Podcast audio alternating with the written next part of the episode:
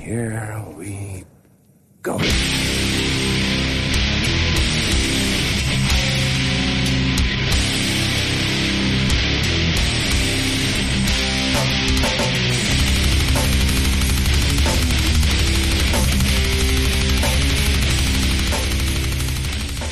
All right then. Jag, er kompis Daniel Nätterdal, sitter här. Vad ska vi göra idag? Jo, vi ska snacka hardcore. Inte vilken hardcore som helst. Det ska bli ny, norrländsk jävla hardcore. Det här kommer bli lite av ett specialavsnitt. Eh, vi har ju avhandlat jävligt mycket old school Umeå, Luleå hardcore. Den här avsnittet kommer handla om nya kontemporära band eh, från hela Norrlandsregionen, Söderhamn och uppåt. finns det jävligt mycket feta band som jag tänkte vi skulle lysa lite shine på. Vi har två stycken feta intervjuer. Dels med eh, Erik från den legendariska studion Ljudkross som har producerat mycket av de bästa nya hardcoren. Existence, Lowest Creature, Dead Reprise, vad vet jag. Massa bra grejer. Eh, och eh, Adrian som eh, lirar i två nya svinfeta band. Warchild och Dream Warrior. Även aktiv bokare uppe i Umeå. Den det här intervjun var den första vi gjorde på Norrlandssvängen och vi var ju lite för slappa med riggningen av mikrofoner. Så ljudkvallen blev sådär. Vi har satt våra bästa personer på och försöka fixa ljudet. Vi vet inte om det kommer, kommer kunna bli 100% vad vi vill leverera. Eh, vi har ju gjort ett par jävligt fina avsnitt här nu på sista tiden som har streamat satan. Det har streamats så mycket så att vi har fått börja betala 150% mer för att lägga upp avsnitten än vad vi gjorde förut. Så nu går vi ännu mer back på den här podden. Den andra intervjun som vi ska bjuda på idag är med det nya smällfeta bandet IDMS från Burträsk. Känn på den, hur mäktigt som helst. Eh, de var grymt schyssta och åkte långväga för att träffa oss. Men mer om IDMS lite senare.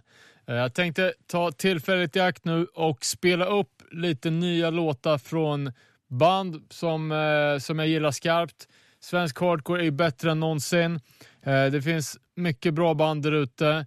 Eh, och jag tänker att vi börjar med ett gäng från norraste norr, från Kiruna. Det är Remain in Grief.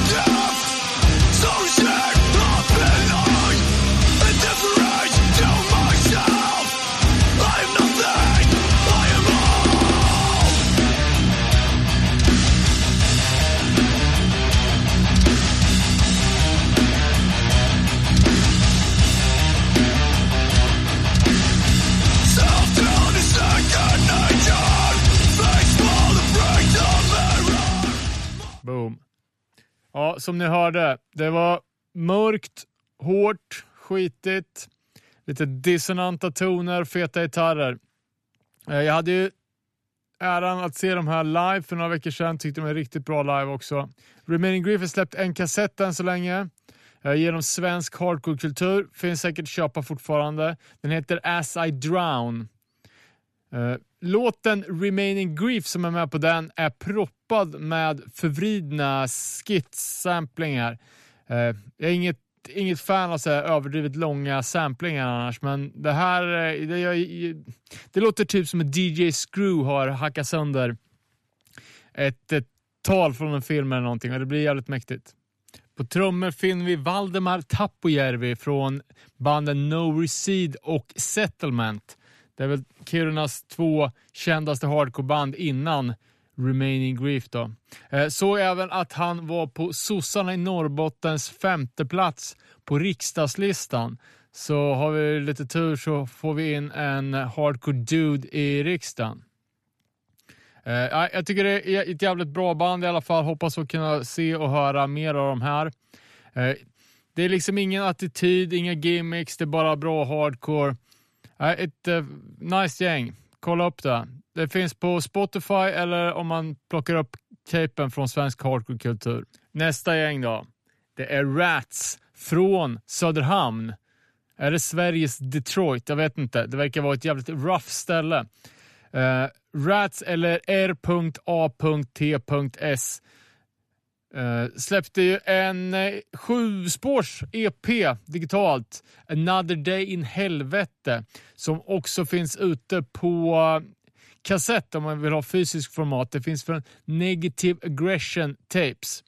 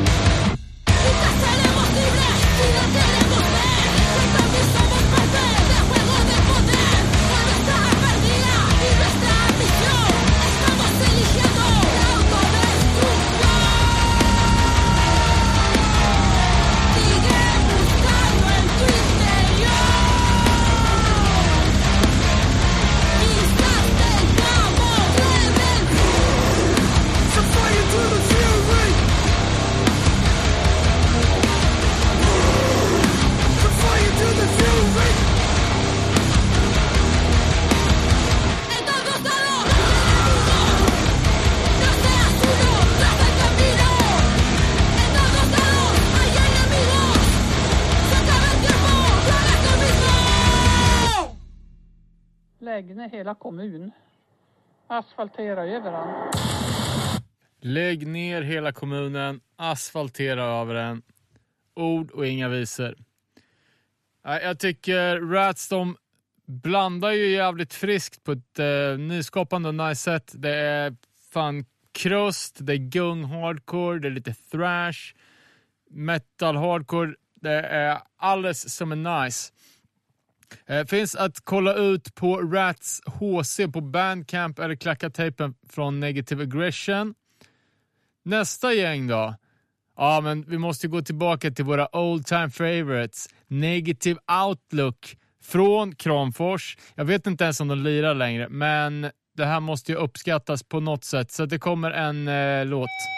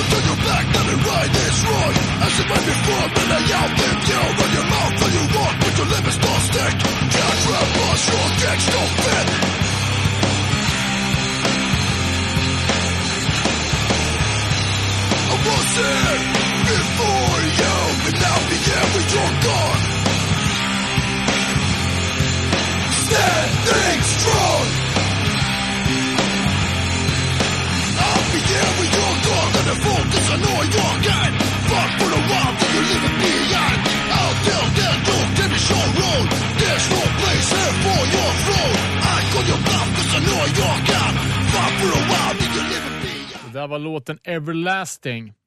Jag blev ju ett Negative Outlook-fan efter att deras brännCD-demo hade fastnat i min bilstereo och jag har lyssnat på den på repeat bra jävla länge.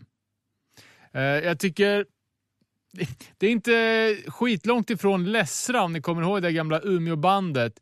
Ehm, vi kallar ju dem för otrendig hardcore och eh, vi lyssnade på otrendig hardcore innan det var trendigt att lyssna på otrendig hardcore. Nej, men det är ett jävligt, jävligt nice gäng. Jag hoppas verkligen, verkligen att de kör på fortfarande. Eh, det här är från 2020 tror jag. Kunde inte hitta det på Spotify, men det finns i alla fall på Bandcamp. Powder City. Kolla upp. Och innan vi ger oss på intervjun med YDMS från Burträsk så tänkte jag att vi skulle lyssna på en av deras låtar. Och här kommer låten Throwdown Temper.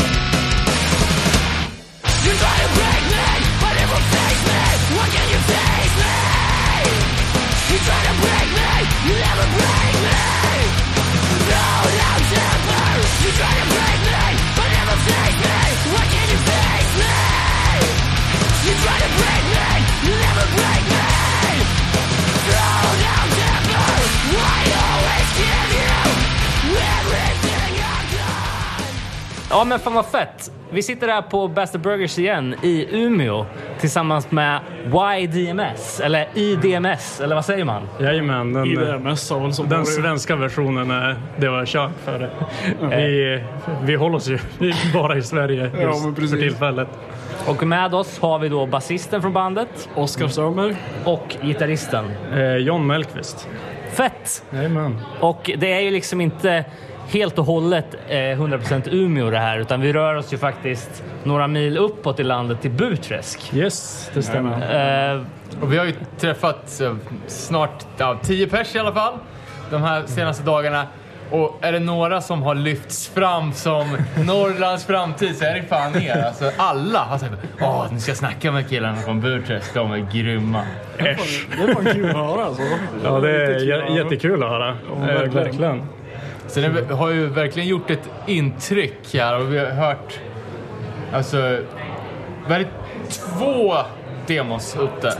Ja, exakt. Det är liksom det vi har hunnit med nu. Eh, det är väl släpp, släppt eh, första demon 2018 och så, Och så den... 2020 senaste. Ja, exakt.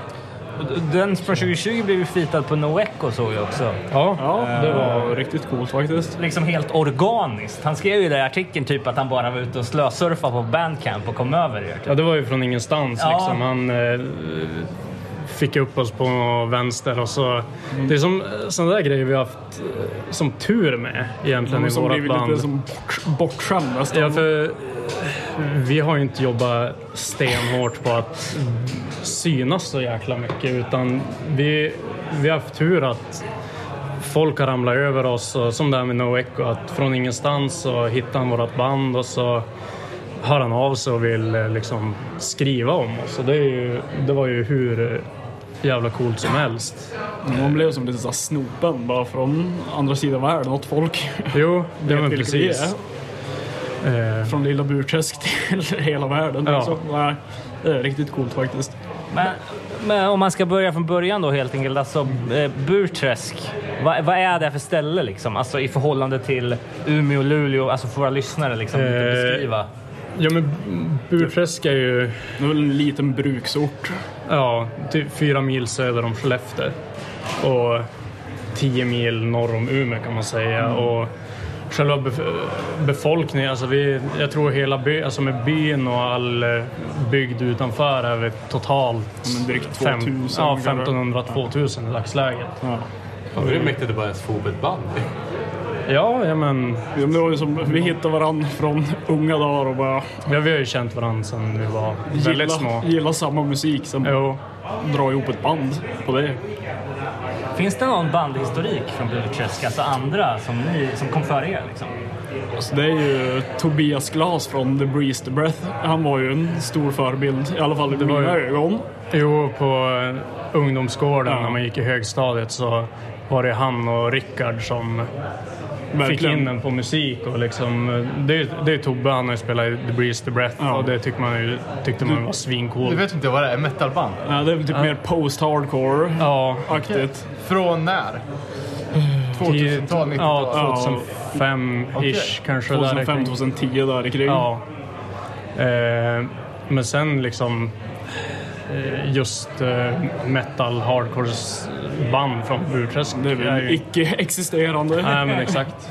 Nej, för man vet ju inte, för ibland ska man ju komma över små orter eller liksom så här, där det är 2-3 tusen pers, men det finns ändå liksom tre aktiva band eller, Ja. eller liksom så. Men ja, spännande. Men, men ni har ändå eh, liksom eh, replokal där nu och liksom skriver material kontinuerligt liksom. Vi har ju ganska bra upplägg. eh, Som jag och Oskar, vi, vi bor ju i Burträsk och då vår sångare och trummis, de bor i Skellefteå. Okej. Så då har vi som en replokal mittemellan Burträsk och Skellefteå som är ett eh, järvtjärn där vi hyr en källare i en gammal nedlagd skola. Eh, som vi har fått upp en riktigt fet repa i som ja, Vi betalar knappt någonting för att vara där. Så Nej, det är som precis. Haft den sedan 2016 och repat där än idag. Och, så det, det funkar ju svinbra. Ja, men verkligen. Båda har lika långt till repan och så Stör ingen. Man kan stör man ingen. Vi kan... eh, där när vi vill. Ja, Bara leva, leva rövare. jo. Delar ni eller kör ni helt själva? Ja, vi kör helt är helt själva. själv, så så. vi, vi har ju... Vi har det nästan drömmigt. för bra. Jo, ja, men som förut i början så... På den tiden bodde, man, bodde vi alla typ fortfarande hemma. Och så Så blev brukar det vi fara dit och liksom bara hänga. Vi har ju projektor och tv-spel och liksom det, det, det, som blir annat än att repa också. Bastu utanför dörren och Fan vad nice. sådär. Så att det är som ett litet, litet smultronställe vi Ja, har. men verkligen. Det här med hardcore då, hur kom ni in på det? Alltså, Jag gissar att ni kom från metal på något sätt. Ja men exakt. Det, det är det som är lite roligt med just eh, hur det ser ut i vårat band. Du och våran trummis, ni spelade ju ett annat band tidigare. Ja, vi var ju i The Last of Us hette vi Ja. en gång i tiden. Som tv-spelet? Det var faktiskt innan tv-spelet.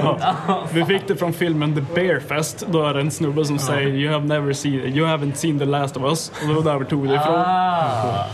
Och eh, jag och Alfred, våran sångare, vi spelade också i ett band under samma tid som ni var aktiva också. Det var, det var ju som när man var jäkligt inne på metalcore-svängen.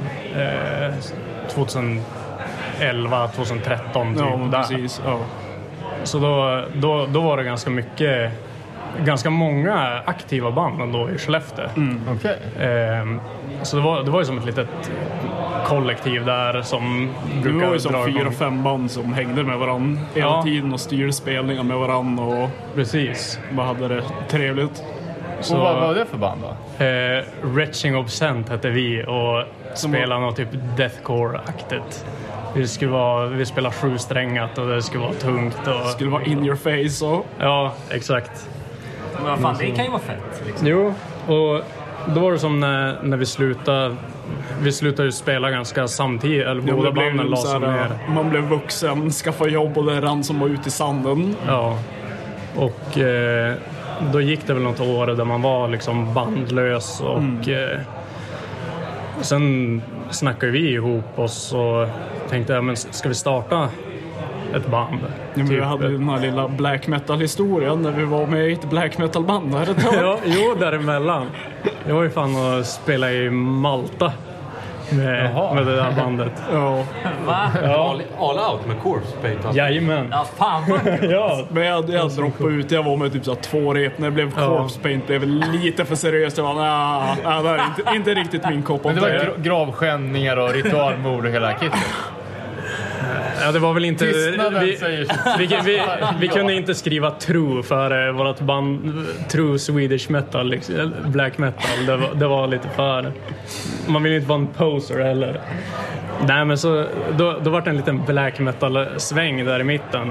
Eh, och eh, när som det var över så ja, men snackade vi ihop oss om att vi borde starta ett band och då var ju som båda inne på Hardcore. hardcore.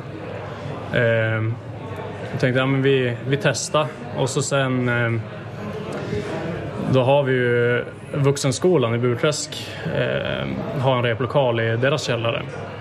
Så då snackade vi med Alfred, alltså för, våran sångare idag, men han spelar trummor i, I mitt första band.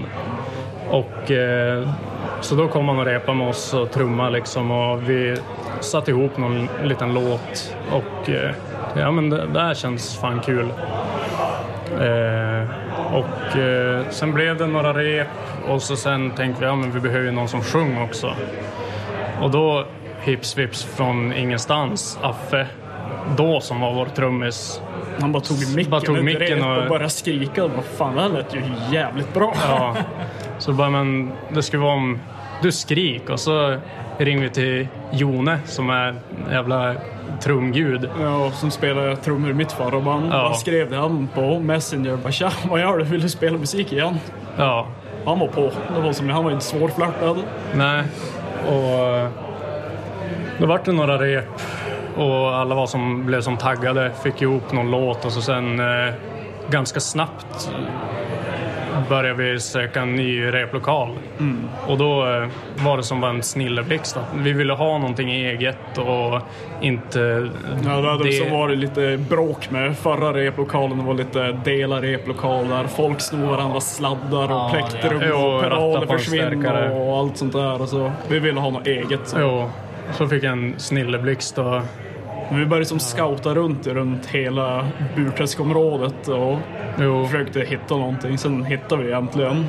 det var Järvtjärn som mitt mellan Skellefteå och Burträsk. Ja. Så det vart ju riktigt bra för alla och ytan vi har där och vi gick ju verkligen all in liksom och göra det till vårt eget.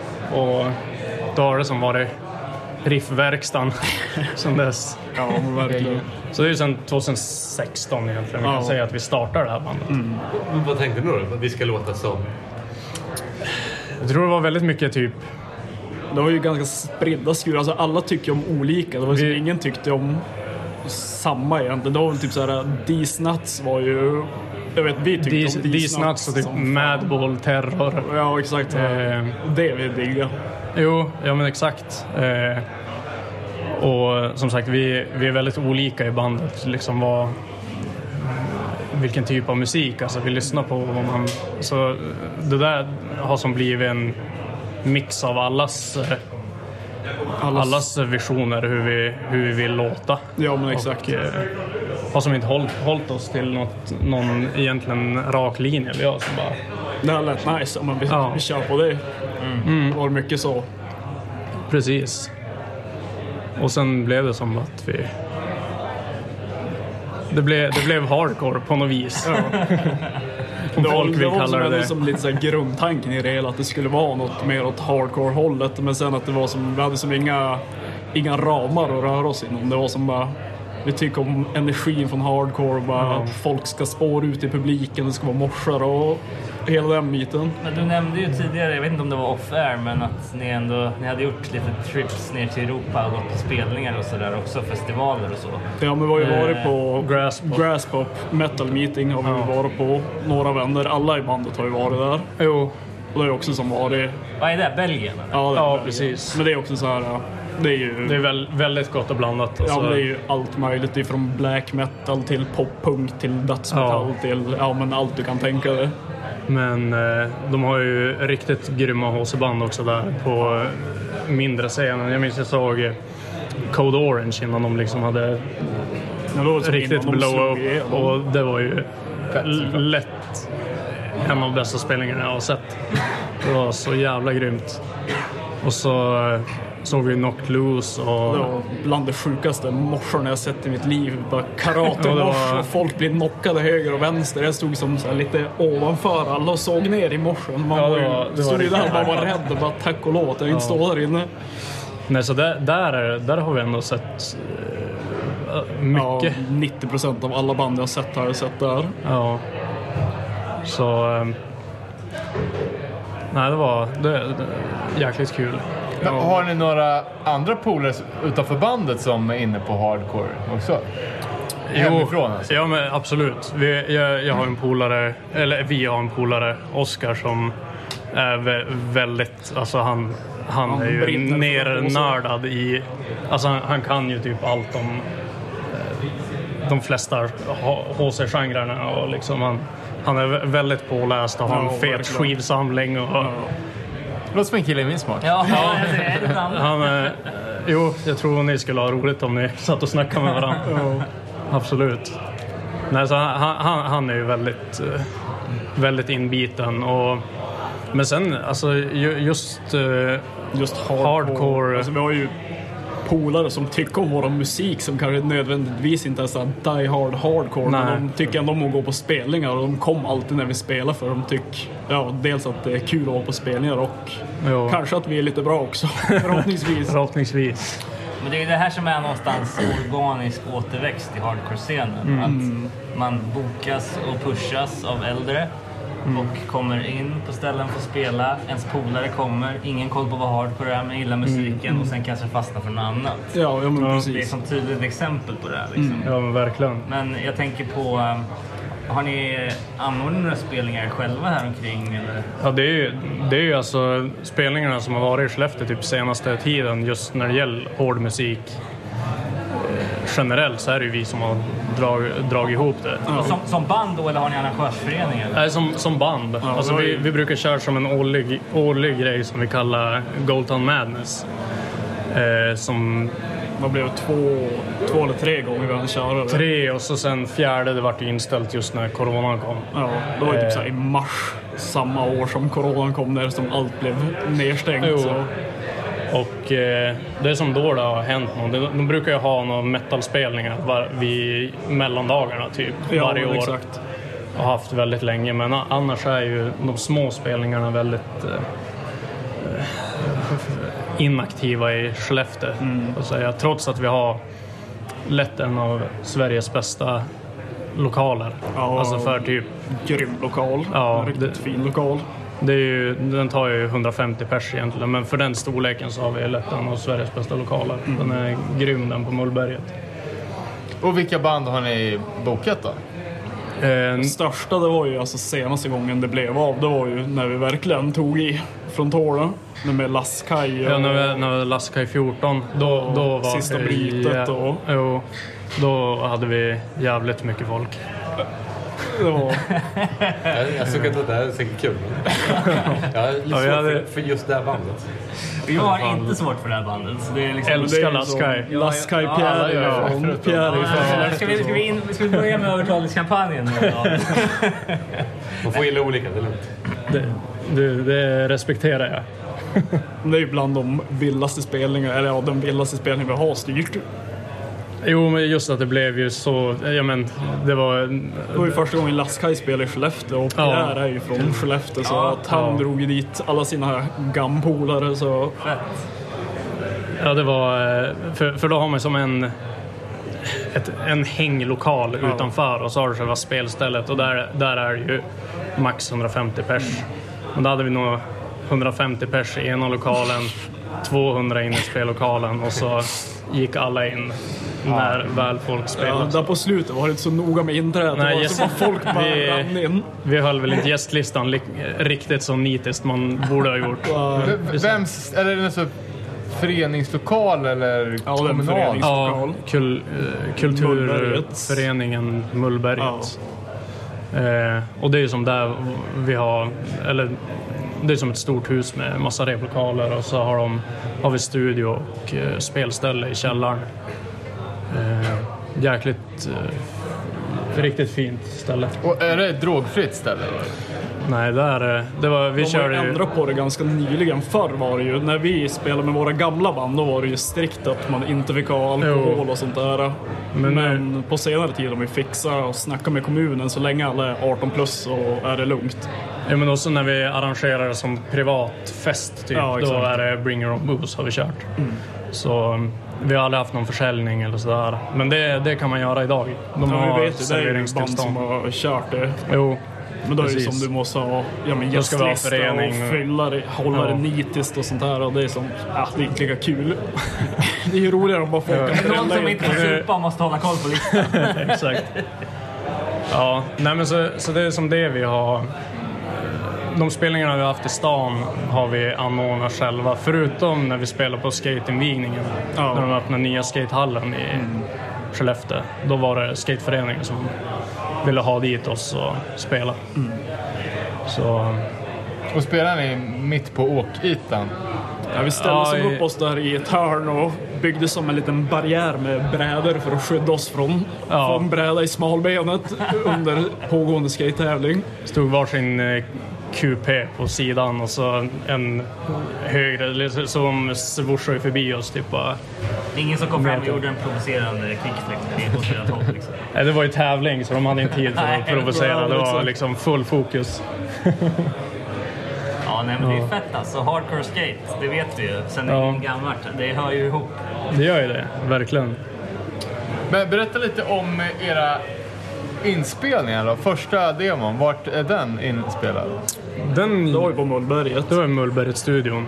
Eh, eh, Hjalmar som är brorsa med Affe som sjunger i bandet. Han är väldigt bra på tekniken och Inspelning liksom och inspelning. Och han, han är, kan ju den där studion eh, om en han blundar typ. Ja, han har ju varit där sedan han var typ 16 och bara hängt. Nördar ner sig. Ja men verkligen. Så då får vi dit en helg och spelade egentligen in alla låtar som eh, vi hade då. Det var väl kanske sju, åtta låtar Ja. typ. Eh, men sen eh, när vi lyssnade igenom det där så tyckte vi inte att vi var så jäkla tajta. Alltså då plockade vi ut det som var, det som var absolut bäst och Mm. Ja. det vi ville ha ut, det fick vi plocka ut ur, ur samlingen så att säga. Ja men exakt. Eh, För det är den med foten på. Ja, precis. Ja, vi fick ju faktiskt in en fråga på Instagram inför det här. eh, När de frågade om de håriga fötterna. Finns det någon story bakom det eller är det bara... Ja, det har ju med Burträsk att göra. Och Gammal burträskmyt. Antingen om man ska ta det på burträskbondska eller om man ska ta det på svenska så alla Ja, förstår. vi, vi börjar med bondskan. Ja, då får du dra nu bättre på bonska. Ja, du förstår att sån är det. Förr i tiden sa de att burträskaren, de, de var så tjuvet att när de var smög runt fuseknutarna så hårt, hårt man de haller och, och till slut så bör, börjar man tro att burträskaren hade håret under, under fötterna. Så för he- de gick så töst att man trodde det var håret som dämpade. För att de gick så töst, töst och kunde var tjuvet runt om i Fuse.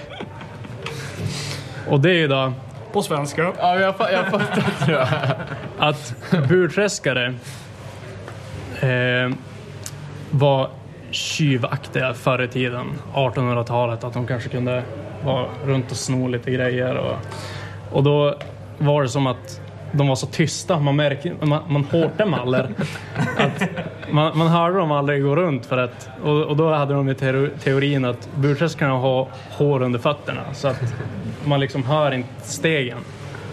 Och det är där det kom ifrån och det, liksom det, det är en sjuk story men alla som man träffar i Skellefteå-krokarna. eh, ja men var som helst att bara, ja men är du från Burträsk? Ja, har du hår under fötterna?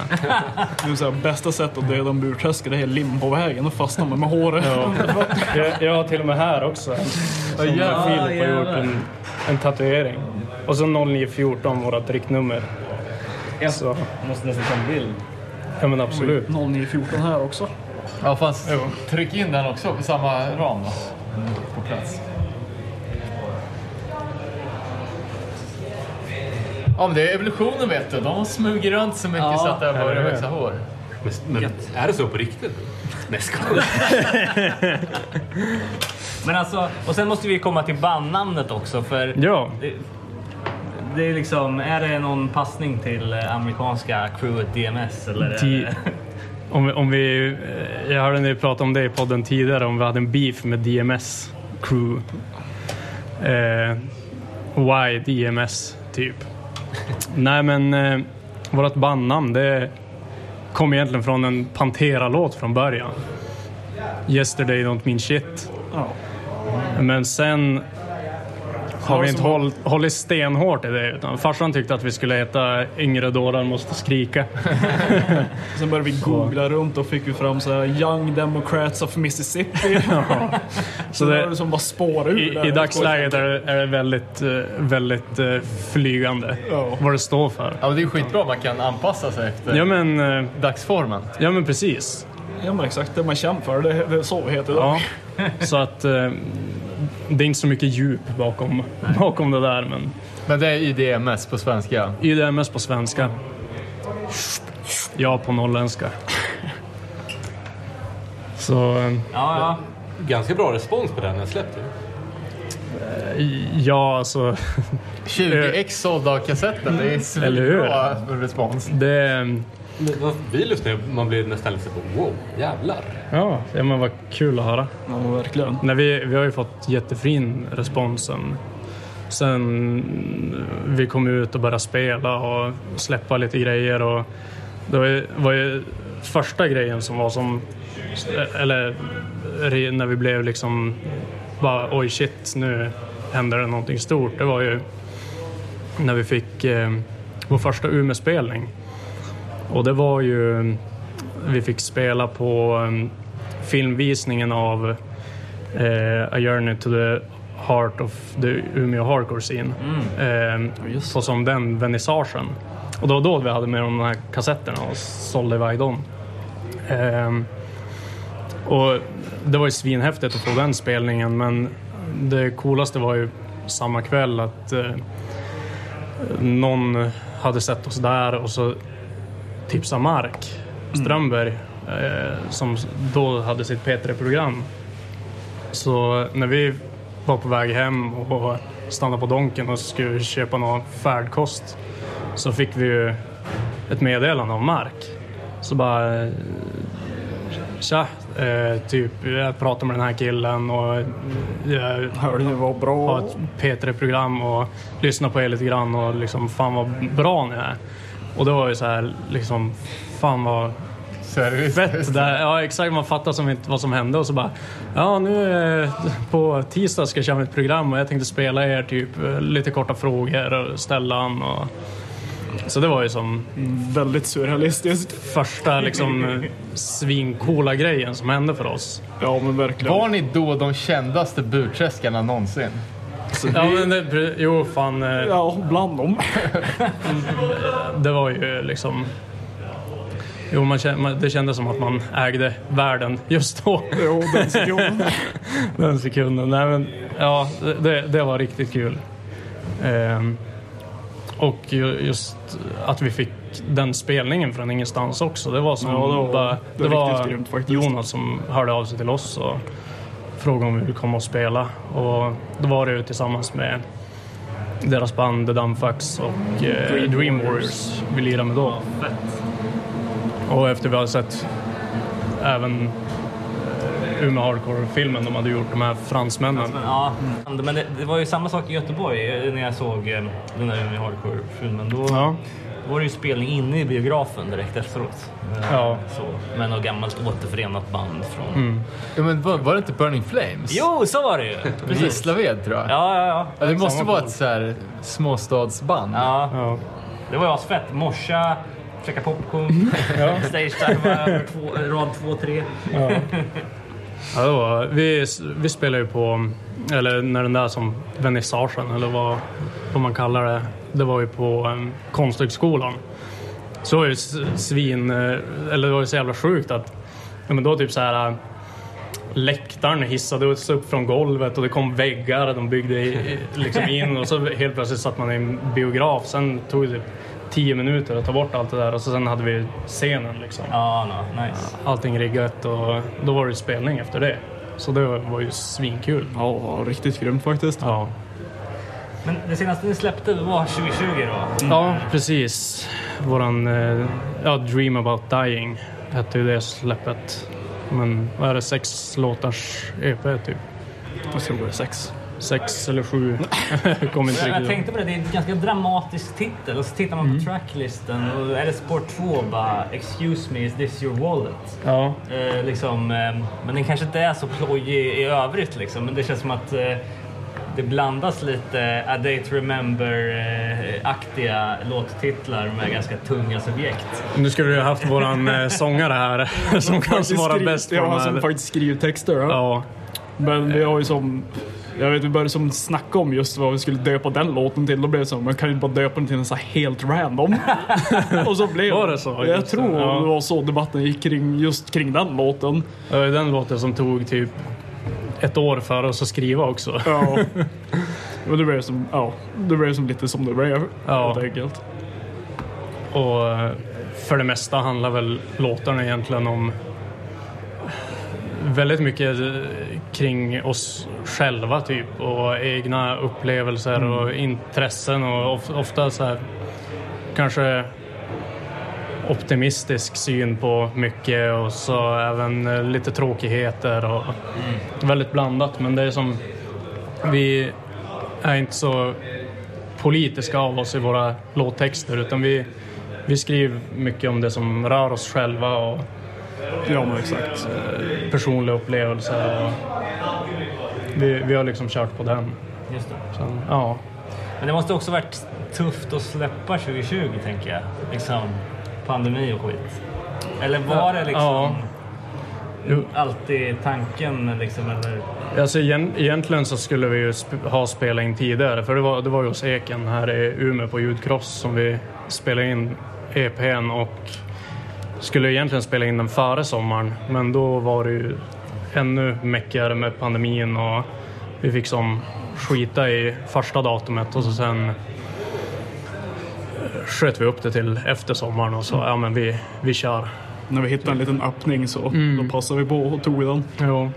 Så var vi där en helg och bara matade igenom de där låtarna. Och eh, Eken jobbade stenhårt och svin, svinkul. Och, Proffsig Jobba med och bara mata. Det Ja, var ja, ja. verkligen, det var inga, inga pauser, det var bara att chatta på. riktigt, ja, men bara sjukt härlig person att hänga med Ja, också. Vi verkligen. hade, vi hade ju jäkligt kul den helgen.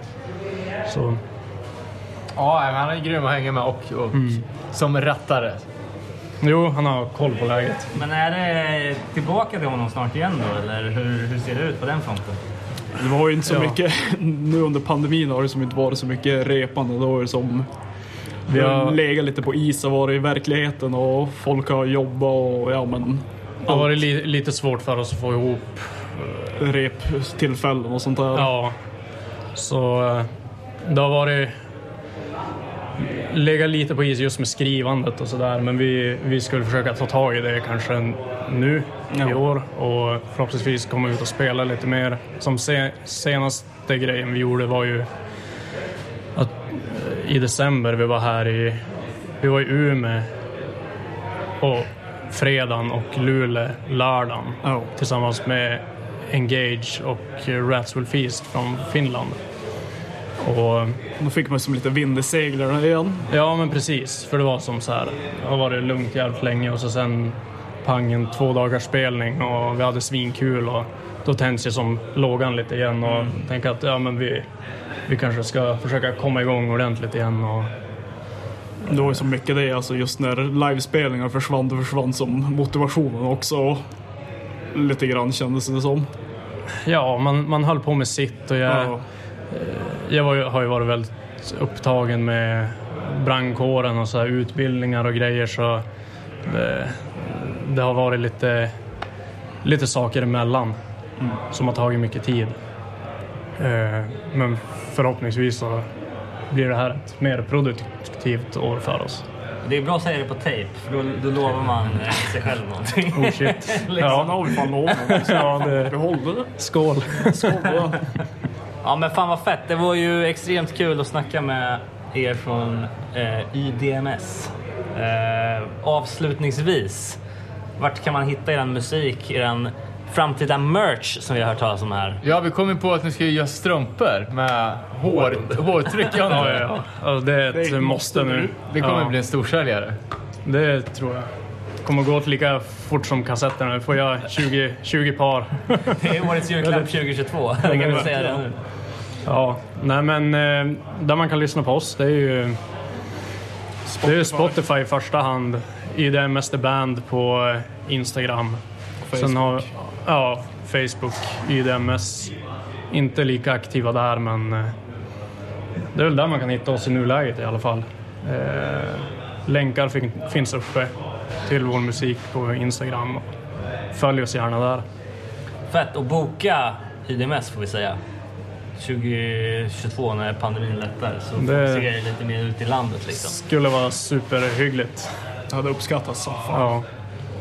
Bra, då tackar vi från oss på Bastard Burgers i Umeå city. Det är torsdag, klockan är kvart i tre. Vi sitter här i Umeå i Ljudkross Studios tillsammans med Erik Eken Lindberg och Adrian Levander. Eh, tack för att vi fick komma hit. Varsågod för fan. Eller vad fan säger man? Kul att vara med. Vad säger man på tack? Tack. Kul att vi fick vara med. Ja, men det är, det är liksom eh, legendarisk mark. Det är många av ens favoritplattor de senaste tio åren som har spelats in här. Så det är kul att Här? komma hit. Ja, Ja. Är det det? ja men alltså Blood Sermons, Ja, okej. Speedway. Ja, fan. Existence, Ja. Nose Creature kanske också. ja, fan. Ja, jo. Var i den här studion? Ja, alltså det var det. Jag blev alltså vilse på det där med tio år. För jag har, ja, i och för sig, jag kanske var här tio år. Det går snabbt. Ja. Men sen har du, du har väl proddat mycket utöver hardcore? Alltså metal och... Ja, alltså. Ska, ska jag börja berätta vart, vart Ja, jag började? det. Eller? Börjar. Ska jag ta det? Okej, jag började 2002. Eh, då spelade jag in ett band som heter Lost Bastards som var med mina polare. Och det var väl efter man hade gjort lite så här demoinspelningar och insett typ att bara, fan det här låter ju skit. Det här borde jag också fixa och göra. Typ. Eh, sen spelade jag in Lessra, första demot med Lessra. Eh, och då fick jag lite så här blodad hand. Jag hade fortfarande ingen koll på vad jag gjorde. Eh, då spelade jag in i lägenheten. Alltså i kollektivet jag bodde. Vilket visade sig vara eh, ganska skevt. För att eh, jag fick såna här varningar från, lapp, från grannarna om att de skulle vräka mig typ. Sen pluggade jag och fick ett band som heter Aktion som ett Umeåband som var typ Kids då. Men de var fan efter det här så var de ute och spelade. Jag tror de hade fan 100 datum per år alltså. De var fan duktiga på att vara ute. De erbjöd mig i alla fall 2000 spänn för att spela in en skiva. Så då tog jag ut allt mitt CSN i en klumpsumma, hoppade av skolan, köpte trummickar för 18 papp och sen spelade jag in dem. Och efter det spelade jag in vad heter det, Adrians band Rain of Bombs. för också för 2000 spänn och sen insåg jag bara fan det här är en jävla lukrativ deal. Jag går ju fan back som satan på det här. Den inspelningen blir aldrig färdig, ska tilläggas. Jo, den blev fan färdig. Jag har den fan. Det är en sjua. Det är Goxny som spelar trummor. Ja, du spelar in den också. Ja. Och sen eh, köpte jag typ ett mixerbord som vägde 150 kilo. För alla mina sparpengar. Och då insåg jag bara, fan det här blir gå åt helvete. Jag måste börja spela in band ordentligt. Jag kan inte ha det här i lägenheten. Så då eh, sa jag upp lägenheten, flyttade hem till morsan och farsan. Byggde en studio under ett år. Alltså jobba typ varje dag efter jobbet. Och så sen så när den var färdig då spelade jag in band där. Det var då då spelade jag in typ Lessra håll det äkta. Alltså börja med de där. Eh, fan vad gjorde jag mer? Jag gjorde No Omega var första bandet utanför stan som Boris hookade upp åt mig. Typ. Okej, så de åkte hit? De var från Stockholm? De åkte hit. Alltså, och då var också så här. Det var ju också då jag började inse typ att, så här, bara, att man redan då började känna sig lite gammal. Alltså det här när, när de eh, försökte via Boris försöka bara, ja, men kan vi mejla honom? Och jag bara, nej ni måste ringa. och så ringde det sig typ en blyg stockholmare med tygskor och var helt förstörd över att det var social kontakt med en gubbe som bara skrattade. Typ. Och eh, så de kom upp, fan, lirade in. Eh, I samma veva så började vi vara ute och spela lite med Lessra och då började jag bara plocka på mig sådana här, typ Elapse till exempel. Eh, vi spelade ju med dem i, fan jag tror att vi spelade med er också med Dead Reprise då. I Örebro. Första gången. Garanterat? I B-salen? Ja, för fan så var det. Och då, eh, alltså. Det var ju som att se typ. Fan, jag kommer ihåg att jag tyckte typ att Love lät fan exakt som David Sandström. Och bara, vad fan det här är hur bra som helst. Så då mixade jag det. Och sen var det väl lite, ah, jag höll på där ganska länge. Sen eh, blev jag av med lokalen, eh, fick riva den, flytta in i Garageland Records som låg nere inne på stan. Som där typ, en studio där typ fan med Shugga, psykisk testbild tror jag de spelade in där. Alltså den var så här gammal 80-tals rum i rummet byggd i en lägenhet. Var där i kanske fem år och då spelade jag in två till plattor med No Omega, Holdek, alltså så här. Då började jag som rulla på men då var jag också tvungen i och med att det var kostade att vara där. Och mina, då var jag tvungen att ta på mig andra inspelningsgig också. Mm. Vilket gjorde att jag typ, ja men varannan vecka jobbade jag 80 timmar. Vadå? Typ dansband eller? Nej, men alltså, alltså hade jag spelat in dansband hade jag inte behövt jobba 80 timmar för då hade jag ju fått pröjs. Utan det var ju fortfarande så här folk som bara, vi har 2000 kronor typ. Bara, Okej, ja men det är 2000 kronor som jag inte har. Så att hur kan jag får få en dem? vecka. Ja, hur kan jag få dem? Typ. Jag menar, fan. Jag tror att jag tog. Jag tror jag tog 10 papp. Vi spelade in. Uh, Shame med Omega. Då spelade vi in. Den spelade vi in på fyra dagar. Alltså en hel fullängdare. Ingenting var, fanns innan. Shit. Och då så. Jag gick upp klockan sju. Gick och la mig klockan två. På soffan bak i, stu, alltså i kontrollrummet. Upp klockan sju. Efter det hade jag sabbat hörseln så mycket så att jag hade så mycket tinnitus så att jag kunde inte. Alltså, jag kunde fan inte.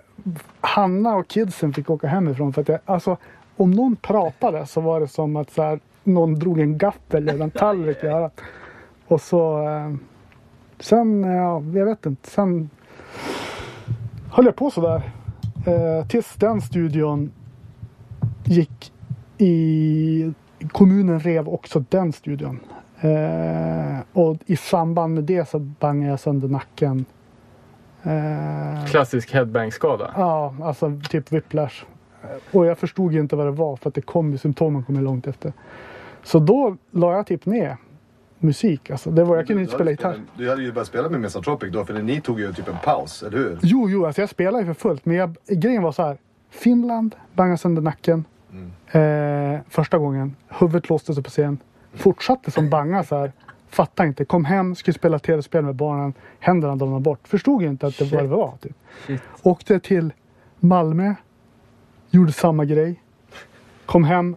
Var sjukskriven från jobbet. Till slut fick jag inte ut armarna rakt. Så, här. så jag var ju tvungen att sjukskriva mig från jobbet.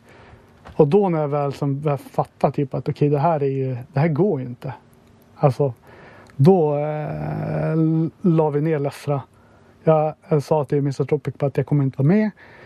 Tog en paus ett år. Alltså jag tänkte att nu är det färdigt. Alltså det är kört. Det var, fan, Då- det var en deppig tid alltså. Du, Fast det var också ganska, jag höll på med jävligt många, jag, jag kunde fokusera på jävligt många andra udda grejer. Alltså typ slipa Kettlebells. knivar, träna och sånt där. Och sen helt plötsligt så bara kunde jag spela gitarr. Jag fick eh, någon sån här nervmedicin, typ. kunde spela gitarr igen. Och då gjorde jag någon, alltså det var ju också, jag hade ju inte lyssnat på musik på flera år. För att min tinnitus var så jävla fucked. Så när jag fick typ medicineringen då kunde jag ju börja lyssna på musik. Vilket var så här bara wow, okej jag kan typ lyssna på musik mer än så här. På fredag kan jag lyssna på Set It Off en gång. Alltså så här. Utan att få typ Mm. bli ljudkänslig. Så då var det som bara okej. Du måste Fick- slänga in ett litet år här. Alltså, när, när var pausen och när, när kom du tillbaka? Vad kan det vara? 2017? Ja, ja, ja. Ja, alltså det, det blir jävligt rörigt. Alltså 2000, ja men hur som helst. Det kanske var... Jag vet inte. När Vad är det för år nu? årsdagen? 2002? Ja, jag vet inte heller. Alltså det, jag, jag har inga årtal. Nej. Mellan 2002 och nu. Man kan följa liksom Umeås utveckling för att de river ju så här stadigt. eh, Jo, egen 2014. Då rev de. studio. 2014, eh, det berömda kulturhuvudstadsåret. Då flyttade jag tillbaka till Umeå också. Det var... Så var det. Då rev de för fan. Så var det. 2014. Och sen hade jag ett uppehåll 2016, 2017 kanske. Kom tillbaka. Eh, och då hade jag ju tänkt att jag kommer aldrig mer spela in något. Och då hörde Linus av sig från Existence. Och jag hade ju typ, typ träffat honom på punkkarnevalen eller sånt i Stockholm. Typ, när han var, de försökte boka oss till Eskilstuna. Typ. Och han var, vad jag, alltså han var ju typ en kid då. Var, det, var det här efter före, eller när de spelade med Neighborhood här? Ja, men det var kanske i samma. De hade nog spelat här tror jag. 090 hade bokat. Jag kommer inte ihåg riktigt. Och då tänkte jag bara okej. För nu, alltså jag hade ju gått från att när, när vi spelade in med Lessa och Håll Äkta, då var jag relevant. I och med att så här, jag lyssnar typ inte på så mycket musik. Jag lyssnar typ på Terror och jag lyssnar på Madball. Eh, Kommer man långt på. Jo, alltså så här. Det är typ det. Och sen, men sen de här åren när alla har typ tygskor och bara. Alltså jag gjorde ju flera sådana inspelningar men jag har ju ingen koll. Alltså jag fattar ju inte typ, vad jag håller på med. Och så nu har ju, gick det då, eller då gick det ju en cykel. Så då var det som jag bara okej, nu är jag typ relevant. Det här kanske är sista gången jag är relevant. Det här kan jag typ. Alltså jag menar vadå när folk börjar, alltså så här Lowest Creature också så här. Det har jag ju för fan koll på. Jo, men jag kommer, jag kommer ihåg alltså, när, vi, när vi fick upp ögonen för Lessra. Det var ju på, på, första, på första sedan, Ja, Green Rage. ja, Och vi tyckte bara, fan det här är så jävla gött. För att det är så otrendigt. ja. Folk som liksom, ja men alltså det känns så här. Det här är folk som bara skiter i det och gör det med hjärtat. Och det Ja. känns liksom bara, det är landsort, det är ingen jävla Stockholms, Malmö, svår pretto. Det här är bara så jävla gött. Det ska tilläggas att Eken, du är fan jävligt konsekvent i det där. Alltså Propane, Madball. Ja. Från, från, från liksom Lessas första demo så är det som att så här, göra den grejen och inte bry sig om Nej men alltså det är mjölkchoklads hardcore. Alltså det är det. Jag vill bara, jag vill inte höra någonting nytt. Jag vill höra, det ska vara snabb uppa takt och sen ska man veta att bara snart kommer det fan bara rododadodododado. Och så ska alla låta vara så. Alla. Alltså om någon har gjort bara, kolla på det här, det här är jävligt nyskapande. Jag vill inte höra det. Jag vill höra samma sak om och om igen. Alltså gammal skåpmat. I ny förpackning. Mjölkchoklads hardcore. Alltså det är fan den bästa. Det är som, så ska det vara. Fan. Men det var ju, det var ju lite som, ja men både som som Elapse och som vi Dead Reprise, men så här, mer åt det Madball, Ja. eller liksom, inga fingrar emellan, textbok, hardcore liksom. Ja, alltså My Fight. Fick, ja men fick ju den typen av hardcore en liten revival i och med, ja men till exempel sådana band som Existence, som Mm. börjar göra mer åt det tugga, tugga Ja. hållet igen. Och många med dem, och band som var även tidigare ändå. Då blev det liksom som att de, de återvände till, Ja. till det som hade varit något år tidigare. Liksom att eh, Lessra blev ett kultband som man ska vi ratta till det där riktigt truckiga ljudet som de hade 2010. Liksom. Får jag tillägga en sak apropå den inspelningen? Att det är en jävligt bra produktion. Alltså verkligen riktigt bra produktion på den skivan. Alltså jag kommer ihåg jag hörde den första gången och så här. det här låter ju som en, du vet, en, en proffsskiva. Och då har jag ju hört alltså, Ekes tidigare inspelningar. Så det var verkligen så här. Du hade ju lagt ner tid på den där.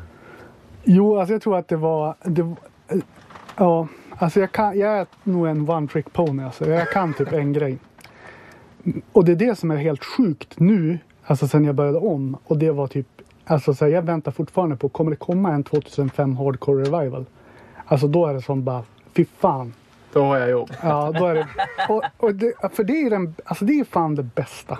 Alltså jag kommer ihåg det där när, när alltså jag, från början, vi var ju fan långhåriga med Lester och spelade fan metal. Och varför vi började spela HC-spelningen, det var ju för att så här, jag spelade in Alltså typ, ja men jag spelade in Rain of Bombs och då var det alltså bara, men jag gör det för 2000 spänn men nästa gång ni har en spelning då får vi vara med och spela. Typ. Och sen var det bara så här, man stoppade in foten innanför dörren och helt plötsligt satt man i vardagsrummet i Ja. soffan. Typ. Och det var som fan, jag tror ingen riktigt så här fattade typ att det var HC förrän vi klippte av oss håret. Då var det som att bara, men då hade vi också som extrem beröringsskräck med metal. För när vi väl hade tagit oss in och satt oss i soffan, då ville man ju inte börja bete sig illa och bli utkastad. Utan då var det som man bara yes, här sitter vi. Typ. Så jag kommer ihåg när fan Medea och Lowest när de kom och så här fan hela jävla Ride the Lightning Core grejen. Då var det som att Första gången jag hörde det, det var som att man stod bara och räckte upp handen och bara ursäkta får man göra så här? För fick man, fick, fick man göra så här hela tiden, då hade jag gjort det från dag ett. För det här fattar jag exakt. Och då var det ju bara så här att försöka få, ja men jag vet inte, alltså drömmen var ju att försöka få dem att, eh, ja men så här, okej kan jag en dag spela in det här?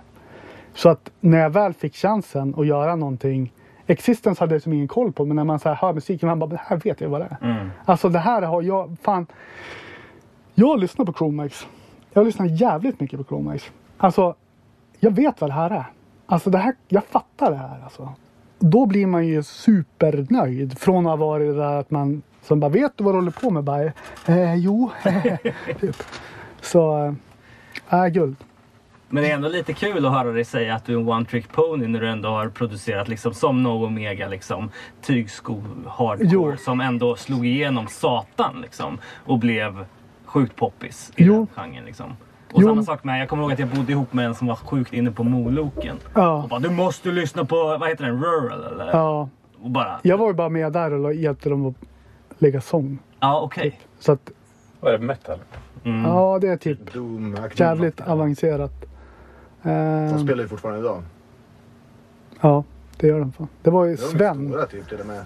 Ja, fan. Det är ju folk, de är, de är inte Cataluna men de, de spelar ju typ sådana festivaler tror jag. Mm. Jo. Ja, men det är ändå intressant att höra att du säger att, liksom, att du är en one trick pony när, när det ändå är... Jo, men man, kan, man har ju öppen för att ha tur. Ja. Alltså för så var det typ. No Omega, det var verkligen de bara, ja men vi vill att det ska låta typ lite som Håll äkta. Och jag bara, eh, nej. Det vill ni inte. Alltså, jag har lyssnat på det här. Det ska låta som att MT ligger bara naken och skriker i en grop. Ovanför slåss två traktorer i en grotta. Typ. Och så körde vi på det. Eh, du Så- spelat in Youth Crew någon gång? Va? Youth Crew? Nej, jo, ah, fan alltså. Eh, nej, speedway är väl typ den närmsta. Första speedway Det låter mixen. svinbra ju. Jo, alltså. Grejen var när jag hörde det första gången då tänkte jag vad heter det, blasting room. Alltså så här. Typ eh, comeback kid. Typ Wake, eh, Wake the Dead plattan. Det var det som jag tänkte. Svulstigt alltså. Alltså typ så här. Ja men fan så här ska det vara. Hur många Youth Crew-band finns det liksom i Sverige? Jag tänker liksom, det, det, Inga. det, det, finns, det finns ju typ noll liksom. Det är några i Göteborg och så någon i Stockholm. Men alltså, jag menar, Ja, men det fanns ju ganska mycket. Typ. Alltså, så här, det känns som att vadå 2010 typ. med Time to Heal, alltså den typen av liksom, Mm. Youth. Det, det har inte funnits så mycket band så att det, det är bara en fråga om tid kanske. Men ja, jag, det kände, jag tyckte det kändes så. När vi, men det var väl också det att vi var jävligt missanpassade när vi var på typ eh, och lirade på Deadfest. Då var det också så här. Det kändes som att det bara var Youth Crew och så var det typ vi. Ja, jag vet inte fan. Ja. Jag tycker det har väl aldrig... Okej, Neighborhood kallade sig Youth Crew ett tag. Och Time to Heal gjorde ju det. Men annars var det fan inte så många. Var inte det? Nej, jag vet inte. Alltså, jag har ingen det, var, koll. det, var, ju- det var Youth Crew, helt klart. Och jag, Men alltså, de, samtidigt då kom ju de till Umeå. Jag menar, det är ju det, det är folk som är med i, i eh, Existence, eller hur? på plats. Mm, mm, exakt. On Speedway. Men Youth Crew hade fan varit kul. Men oftast om det är, om vi säger att det är om det är någonting som låter typ 80 åt det hållet, då brukar jag alltid tipsa dem om att de ska ta kontakt med Fredrik. Alltså liksom på Parasit. För att han är ju bäst på det. Tycker jag. Alltså, jag menar, han spelar in Insurgent Kid. Eh, fan var det mer? Jag spelar ingen som helst. Ja, alltså så här. Och när hela den där 80s revival-grejen som jag inte förstod, när den kom, då i princip alla band spelade in hos honom då. Mm. Och han... eh, Masshysteri och sånt också? eller?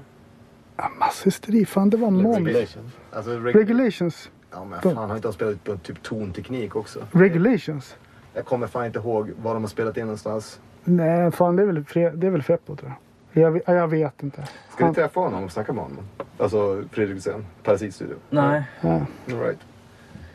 Men, men okej Eke, så du, du har ljudkross, du har Lessra. Jag hade. Hade Lessra. Mm. Eh, Adrian, du då? Din musikaliska punkhistoria, hur ser den ut? Var Alltså, vi, det, vi, vi ska inte gå tillbaka till, till tidernas begynnelse. Nej men alltså, jag flyttade tillbaka till Umeå. Eh, jag är från Umeå från början, men jag flyttade tillbaka till Umeå typ 2014. Och då hade jag bott i Malmö ett tag och, och ganska aktiv där nere. Så att jag, var ju, jag suktade ju ganska mycket för att få spela musik, arrangera musik. Alltså det är framförallt det. Alltså det är ju alltid svårt att komma tillbaka och starta nya band liksom. Men det, alltså jag började arrangera spelningar till att börja med. Och sen så, jag kommer inte ihåg var jag började någonstans. Men jag började ju lira med, alltså Warshed. det var Warchild va? Ja, men precis. Marcus från Regulations. Eh, han och jag känner ju varandra sedan tidigare. Han hade spelat in en, han har faktiskt spelat in en sjua själv. Mhm. Så att eh, då var det mer bara att göra ett band av det och så blev det ett band. Så vi liksom blev ur det. Jag vet inte fan, det känns som att hela den här vågen med Lessra, eh, Håll äkt, allt det där, vad ska vi kalla den vågen? Jag vet inte fan. 090-vågen. Den har ju som precis på något sätt ebbat ut. Det var ju ganska kul att, att som ett gammalt hardcore-kid från Umeå och så bor man på andra sidan landet och så ser man att det bara händer skitmycket i Umeå. För att jag flyttade ju härifrån 2003 när Umeå på, verkligen på dekis. Det var, Mm. det var fan en hård tid. Inga band, inga spel, ingenting hände. Var det innan ny våg-vågen? Ja. Ja. Alltså Regulations spelade väl då, där i krog... De, de, de, de fanns ju som band. Ja. Men det hände ju Ja, ingenting. okej. Så att... Eh, och jag vet inte fan när de släppte alla skivor. Alltså det, det är som att det där hände i bakgrunden. Vad gjorde alla? Jag vet inte fan. Alltså grejen var Massive var ju att... inte så... De, de, de turnerade ju när jag bodde i Malmö och liksom, de bodde hemma hos mig och sådär när de var ute. Så att det, det är lite senare. 2004, 2005 kanske. Mm. Det var ju det att det fanns ju ingen riktig lokal. Alltså det var ju typ stallet. Stallet nu är ju guld, men stallet då var ju sämst. Precis. När, när började verket? Alltså det första verket. Det, det, allt det där hände ju efter jag hade flyttat. Det är ju som 2004-2005. Och då startade så Cultaluna behövde en replokal. Visst var det Ja. Precis. så? Eh, och där, Eh. den, där på tiden när de började bli seriösa. Och då skaffade de en repa. Till, eller en, en, ska man säga, ett gammalt kontorslandskap som blev liksom massa repor. Och det blev verket. Så det blev Precis. en lokal. Där repade ni. Och där blev det massa spelningar. Det, det var starten egentligen för liksom 090. Och Alltså Matte jobbade ju då åt verket också. Alltså det, han var ju den första som var anställd av verket. Alltså Matte som spelar i uh, Misanthropic. Han eh, Men det var jobbade. lite senare ändå. Alltså att han började jobba. Nej. För, från början var det väl bara... Nej men fan, alltså, han var ju med när, fan, jag donerade. Det gick ganska fort. Alltså jag donerade fan gamla studiomixerbord. Det hamnade i live-rummet där. Mm. Alltså, fan, det var... Han var med från starten. Alltså, när Poäng, den byggde. men poängen var väl snarare just att, liksom att det, var, det var, låg jävligt nere. Men sen kanske 2005 någonstans, då skapades en plats. Där Mm. man kunde repa, man kunde ha spelningar etc. Och då kommer liksom en helt ny, ja men så är det i alla städer. Mm. Då kommer banden liksom, när det finns någonstans att vara. Eh, och det, det kan man ju sen dra av eh, kopplingar till liksom hur det är idag också, liksom när, när lokaler försvinner. Men om vi går tillbaka till mig då. Eh, jag började spela med Warchild, vi spelade in skivor och eh, vi har väl varit ganska aktiva sedan dess och även ja, fortfarande. Släppte en skiva bara häromåret. Men eh, dels, det är väl typ det jag gjorde. Sen så började jag arrangera spelningar, fortsatte med det. Och då fanns det ju verket 2.0, det andra verket. Här, den här lokalen som hade startat allting. 2014, då var de ju tvungna att flytta på sig såklart. För att Umeå kommun funkar så. Så fort någonting är bra och, liksom det, och, och liksom, det genererar egen... När kulturen får leva fritt, va? Ja. då kommer de in och, och ska bygga om skiten. Så bytte man lokal. Ehm, och, och då var det skitmycket spelningar. Alltså det var ju spelningar varenda jävla helg. Men problemet är ju det att vi kände att vi måste liksom få ut de här banden och, och gigga på krogarna. Alltså kort och gott. Det, det är ganska trist att köra med svart, svart klubb. Framförallt när det är ganska varierande åldrar. Det är jävligt skönt att kunna sätta på ett ställe där du får spela för massa folk som annars inte skulle komma. Mm. För att grejen är, att verket var ju som en egen klubb. Alltså vem som helst dök inte upp där. Utan det är liksom, ja men det var ju vi och våra polare och liksom deras polare. Typ så. Så då, jag och Fredrik Lindqvist som eh, en del känner honom som- från Totalt Jävla Mörker men också Sista Brytet och även Sl- Luftslott Records. Han och jag eh, satte våra kloka huvuden ihop och startade en klubb som heter Out of Step. Och hela poängen med den klubben var ju vi ska sätta spelningar på krogarna och det ska vara ganska brett. Väldigt så här, löst. Det ska vara punk. Så vi satte ju allting från ja, men, Vonna Inget till, eh, vi satte ju Lowe's Creature också. Alltså, det väldigt brett. Punk, hardcore. Eh, det som funkade. Så det har jag hållit på med sen, alltså det är ju fan det är ju fem, sex år i alla fall. Och fortfarande. Och fortfarande, vi har inte lagt ner. Alltså det senaste året har det inte varit någonting. Vi satte ju vårt sista gig i december. Men, men det är så jävla trist att boka spelningar när man inte vet om man måste ställa in skiten. Nej. Så nu, nu är det som att nu börjar det dyka in massa förfrågningar. Men också så här, man vill ju inte säga ja till någonting som man måste ställa in. Dels det, men också inga jävla lokaler. Återigen, sätta på krogar suger röv. För att du måste ha att göra med krögare Mm. och du måste ha att göra med all skit runt omkring. Mm. Eh, och det, det är en helt annan grej med pengar. Du ska ju betala folk och sådär. Eh, Men vad har ni för, för deal då? Betalar krögaren gaget? Och får in det på bar eller? Alltså det är lite olika kan man Okej, säga. ja. Det, det, vi, vi har ju satt på många olika typer av krogar. Alltså, ja, det är ingen idé att nämna några namn här. Men alltså, det, vi har ju testat på alla olika ställen. En del krögare, de inser ju att okej, låt dem göra sin grej. Då kommer det hit mycket folk och säljer mycket bärs. Sen finns det ju de som också vill lägga sig i och säga att ni, ni måste ge en del av gaget, eller ni måste ge en del av inträdet till oss. Där. Och, och liksom, allt det där gör det ju svårt. Jag menar, om, och låt säga att de ska ha 40% av, av intäkterna. Jag menar, vad kan du då betala för ersättningar till banden? Nej, precis. Vi, det, det tror jag att alla som har spelat åt oss, de har ju, jag, jag tror att alla kan hålla med om att vi har alltid sett till att de fått bra betalt och ersättning och bra mat. Allt sånt där. Alltså vi, vi, vi kör liksom DIY och liksom, vi har ju noll vinstintresse såklart. Mm. Det handlar bara om att vi vill se dem, alltså vi sätter upp de band vi vill se. Kort och gott. Så ifall någon vill spela i Umeå så får ni jättegärna höra av er till Allostep. Vi, vi, vi sätter upp spel med i typ vad som helst. Sen så kommer vi inte sätta upp med alla för att menar, vi är två familjefäder som, som driver klubben mer eller mindre. Så det, han- det är mer en tidsfråga. Just det. Men har du något engagemang i luftslott också eller? Nej, nej. Det här med skivbolag vet du. Nej, det, det, är, inget, för dig. det är ingenting för mig. Alltså, jag, jag, jag skulle kunna vara duktig på att välja ut vilka band som ska släppas men hela processen med det här med vinyler och sådär det, det, det tror jag inte jag skulle klara av.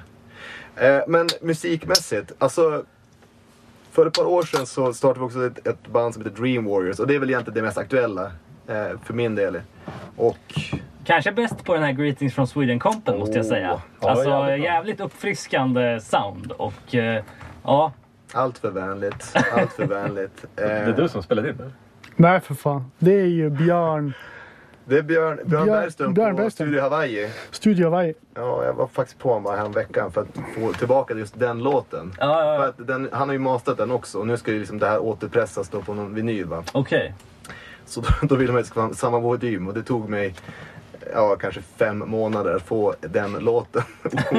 så det, det är mycket påverkan från covid alltså. Och det, det kanske vi ska passa på att plugga också för det är ju en jävligt bra demo och det är ju Quarantine, Fanzine och Records nu mera som har gett ut. Mm. Ja, de har lite grejer på gång faktiskt har jag, har jag hört. Och det är just det här med vinyl, vinylbranschen just nu. Allting tar ett år. Så att plugga saker, det är lite så här att man säger att någon gång kommer det någonting. Jag tycker det är en jävligt intressant diskussion med, med hur saker och ting ska släppas i framtiden. Är det värt att släppa på vinyl om folk ska vänta ett år? Ett band, ett hardcoreband Finns det ens kvar? Nej, exakt. Typ så. Inte demoband i alla fall. Nej. Ja, men Dream Warriors, ambitionen där är fan bara att spela hardcore. Alltså ärligt talat. Eh, och ha roligt. Alltså dansmusik typ. Ursprungligen så var det att vi skulle spela liksom eh, japansk Burning Spirits hardcore. Men alltså det, vi, vi är inte tillräckligt duktiga för det. Så det, det blir nog mer så här agnostic front. Tidig agnostic front in, in, eh, influencer. Och där är också, det här demot är två och ett halvt år gammalt. Vi har så jävla mycket bra material som är Mm. på gång. Så att eh, jag vill ju spela in nu. Och då ta världen med storm. Så är det. Och Warchild som vi pratade om tidigare släppte väl platta, senaste plattan förra året? Ja, Och det är, det är ju ren discharge. det är Det- ett, ett Discharge coverband. Ja men det, men det är det ju. Och det är också jävligt bra måste jag säga. Tack, tack, tack. Det är därför jag menar på den bara för att få praise. Nej men det, det är ett kul band. För att det är ungefär som, som Eken snackade om det här med Madball. Som, alltså, att det här med att ha referensramar. Jag tror definitivt att man måste inte bana ny mark. Har man ett koncept som funkar, fan håll, håll dig till det och gör det bra liksom. Sen om du vill Alltså, jag är inte den som säger att du inte får pröva saker. Men, men man ska ju inte förvänta sig att alla tycker det är great. Då får du ju vänta tio år innan folk fattar. Precis, ja, men det, och det var ju lite som, alltså, har någonting funkat någon gång, väntar man tillräckligt länge då har folk glömt bort hur det låter. Alltså, eh, vad- fan heter de nu då? Forever Young, det var ju lite så med dem tyckte jag, när de kom. De kom ju ganska sent på 2000-talet där. Mm. Liksom. Men ändå så var det såna jävla Ja. throwbacks liksom. Ja, sjukt bra skiva alltså. Eh, De är härifrån. Ja, ja, ja. Det är jag spelar inte jo. fan. Det är det ju. Det är ju Mark och det är Erik och det är Tanders. Vad fan var det mer? Det är ju Kristoffer Boström spelade bas. Jajebox, han bor i stan. Mm. De andra är väl splittrade över världen. Ja, men jag tänkte på, ehm, eh, med Dream Warriors då. Mm. Är det am- live-ambitioner där med eller? Som sagt, vi, vi, tre av fem medlemmar har ju familj. Så att, men absolut, att vi vill ju absolut ut och spela. Men jag tror att nu för tiden, man får nog inse att det här med turnerande kommer nog pushas fram. Alltså, jag tror inte att folk kommer kunna göra stora turnéer. Däremot åka och göra så här helggrejer, absolut. mm. Alltså så här, Dream Warriors är ett liveband. Det finns en anledning varför vi inte producerat mer än ett demo på Mm. den tid som vi funnits. Eh, det är ju det som är roligt. Det är det, hardcore är ju livemusik. Mm. Ja verkligen. Jag ska, jag ska ge lite, lite, jag ska peppa på den här uh, Quarantine Fanzine-samlingen som jag tyckte verkligen visade att, att Sverige har en hardcore-scen. Framförallt det var så många band som inte kände till innan. Och att det höll så sjukt bra kvalitet. Mm. Det, är- alltså det är verkligen en, ett, det kommer vara ett tidsdokument tror jag.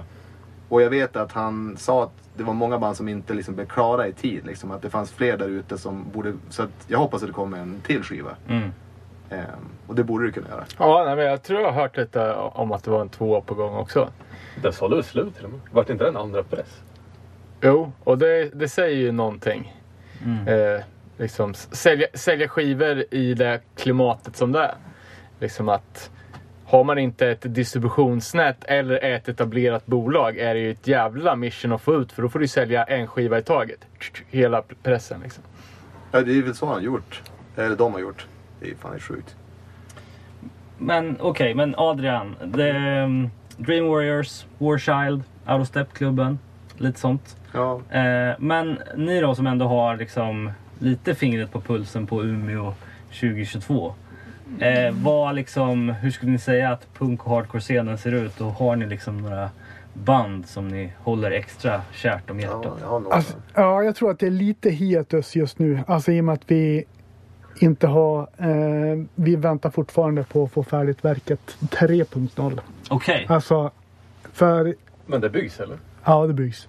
Vi håller på att bygga nu. Scen, scenlokalen eh, har blivit målad och Ja. det är repor som ska byggas där. Så att det, vi, förhoppningsvis har vi en, en, ett nytt verket, ett nytt spelställe i Umeå. DIY-spelställe. Jo, för jag tänker att det är det som var som verkets storhet. Att det var till stor del finansierat själv av replokaler. Alltså man var inte beroende av att till exempel kommunen kunde komma in och diktera hur man ska göra saker.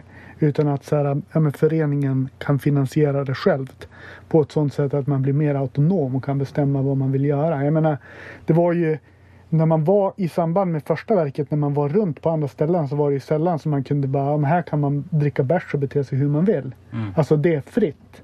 Utan det fanns ju i princip alla ställen var det fanns så att ja men det här är reglerna som gäller för den här lokalen. Det måste ni anpassa er till.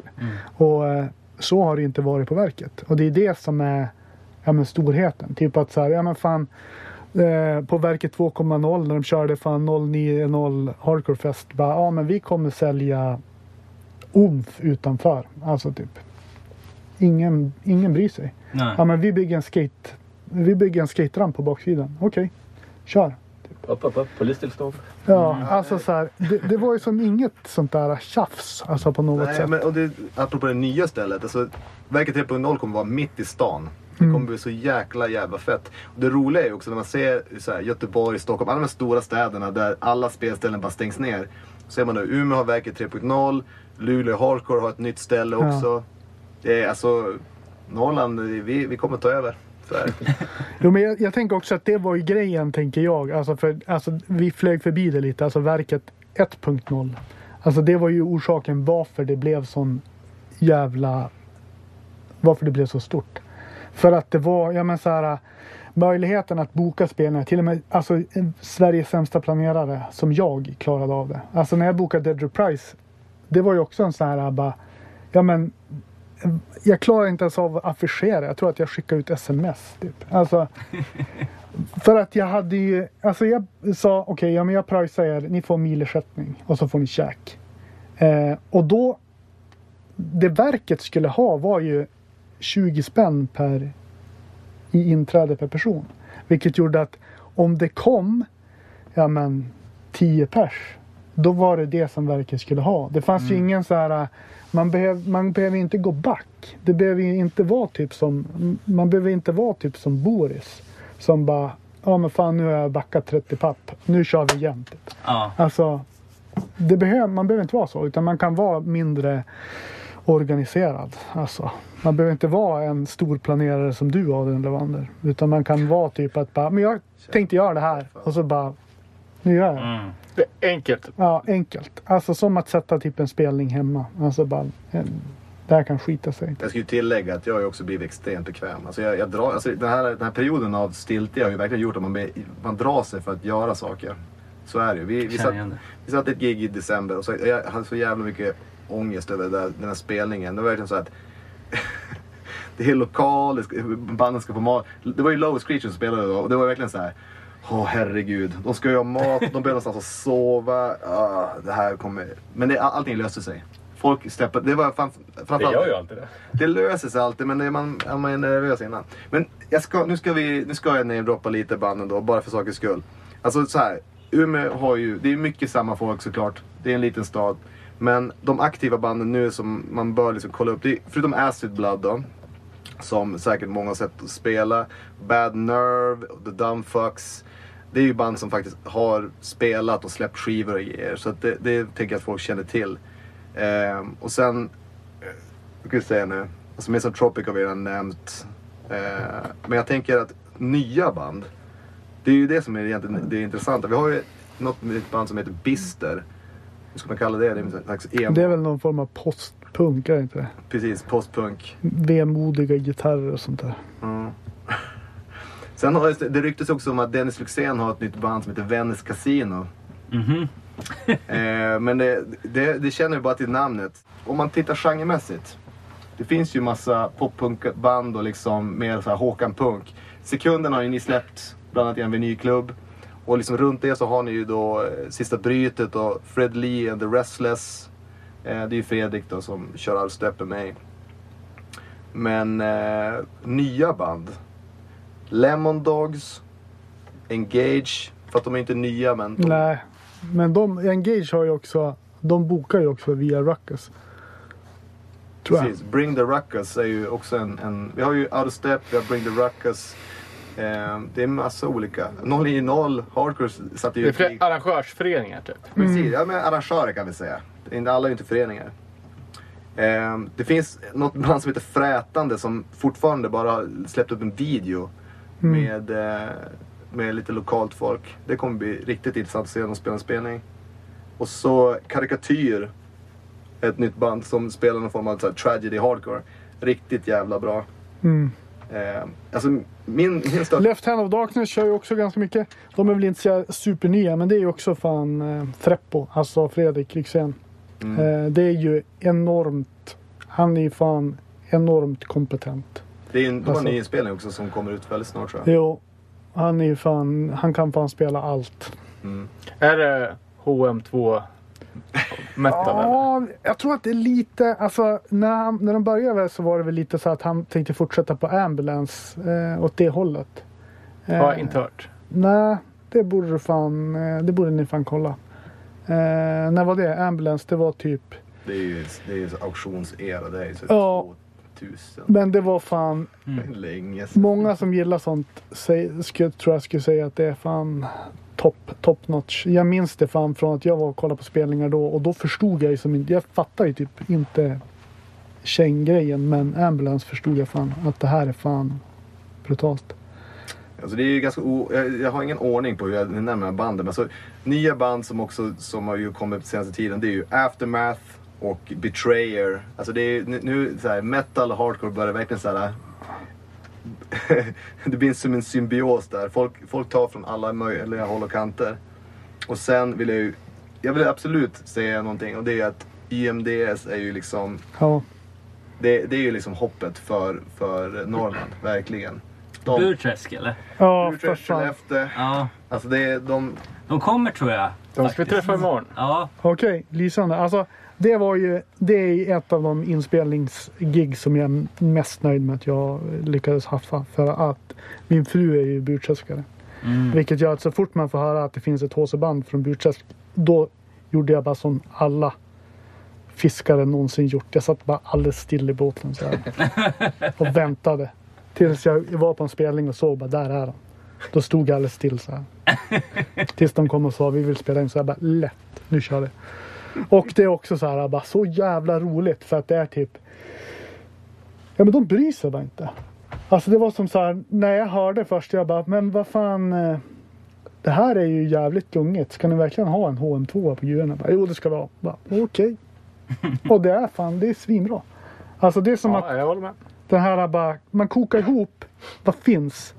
Fan, jag såg ett band som hette Antimelodics från, från, som kom någonstans från Ryssland som var här och spelade på verket. Som också var så här bara, vilka finns runt omkring oss? Så här, alltså, som när man själv bildade band när man var ung. Alltså så här, En ska-punkare, en hårdrockare, ett Ja. krustkid och sen fick det bli ett band. Alltså typ så här, så bara den här killen är så jävla störig att ha att göra med. Men det finns ingen annan som kan spela trummor så att vi får ta honom. Alltså det.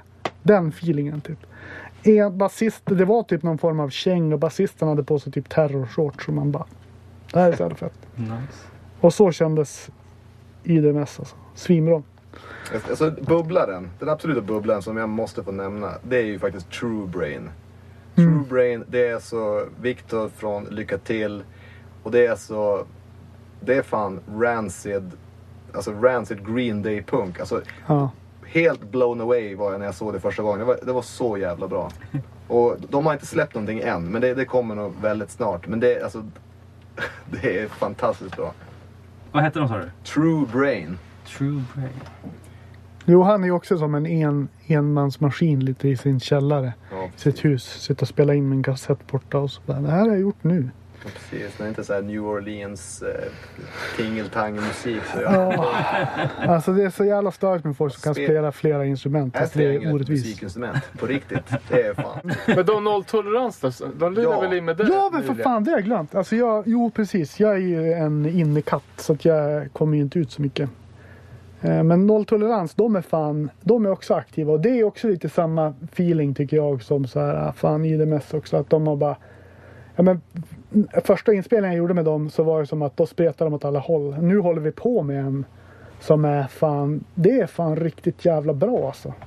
Och nu är det som att de har tagit sig över den här nivån när de har fan gjort sin läxa.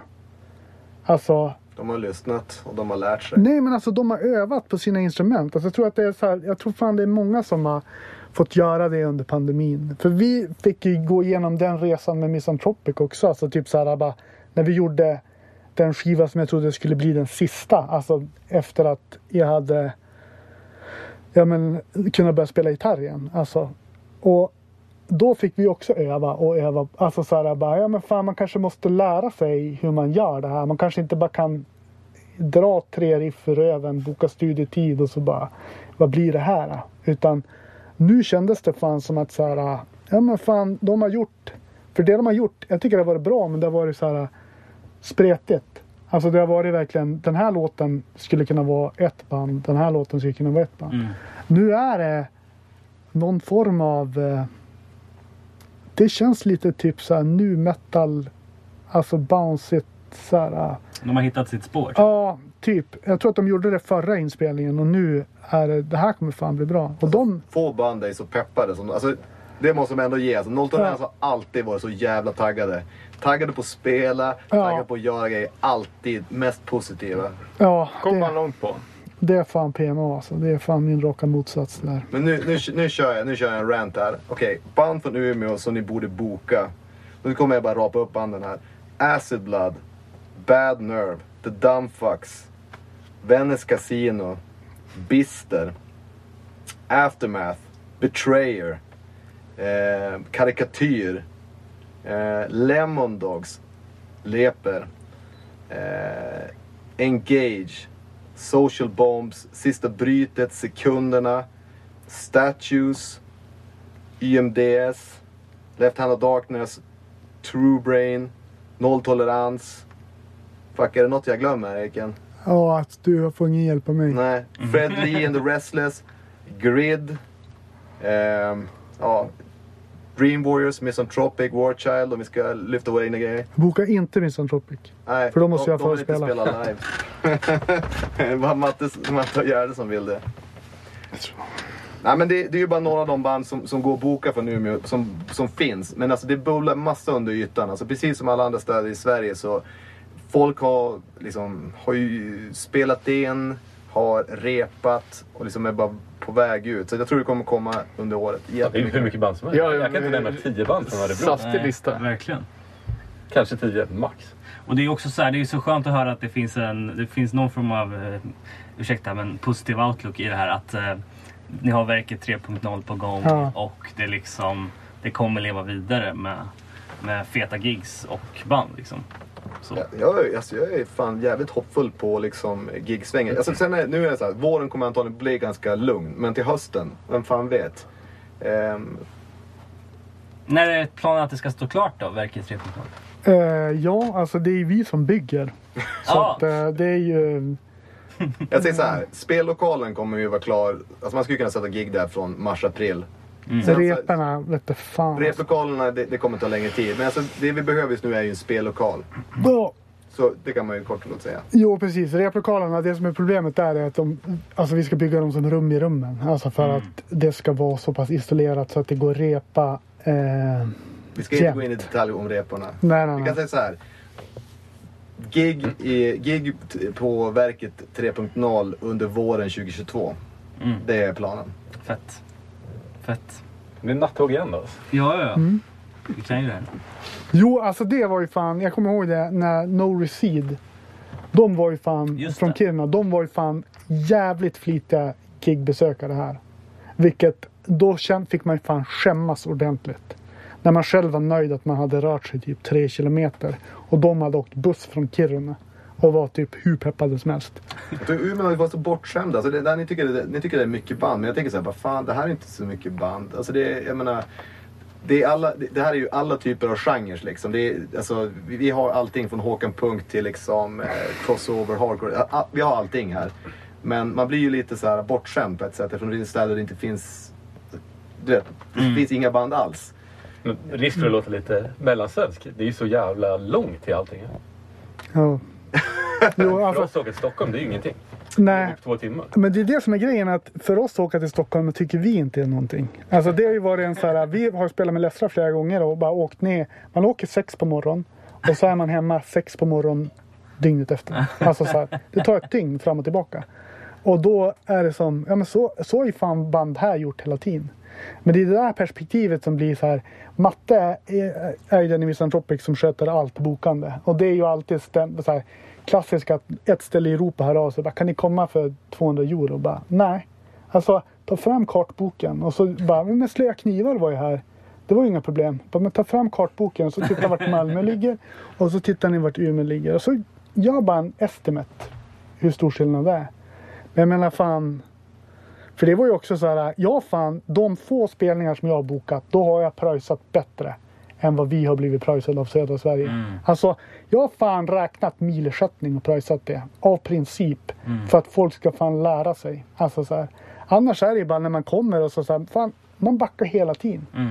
Och så får man fan inte ens käk typ. Alltså, jag det är en grej också med Umeå. Att vi, det är så här, outstep policyn är ju så att vi, vi ser alltid till att betala så att det är värt att liksom komma hit. Och vi kommer inte säga ja till någon där, liksom så här, där vi inte tror det kommer gå runt. Alltså, är du ett band som ingen vet vem du är, då kanske inte vi kommer sätta det för din egen skull. Och det här, det här, är en- det här är en, en gammal lärdom från den tidiga tiden. Liksom när, när, när man, fått ett, man får förfrågan från ett okänt kustbrand från liksom södra Italien. Alltså grejen är att man gör ju då bara en otjänst ju. Åka hela vägen till Umeå för, för ett gig där det kommer två pers liksom. Det, Mm. det håller ju inte. Nej. det det Mm. funkar inte. Nej, så är det för fan. Ja men vad fan, det var väl eh, jävligt uttömligt och bra. Det var sjukt trevligt att få, Mycket har vi glömt. få snacka med. Ja, men sådär då. Det börjar närma sig slutet av det här avsnittet. Tack för att ni har hängt med. Det blev ju lite av en specialare den här gången, men jag fick i alla fall chansen att missionera lite om hardcore, för att det är bäst. Eh, vi kommer snart tillbaks. Då är vi full panel och vi ska snacka mer om hardcore punk. Eh, tack till Bastard Burgers som supportar. Extremt uppskattat. Eh, vi hörs väldigt snart hoppas jag. Ha det bra alla där ute. Peace!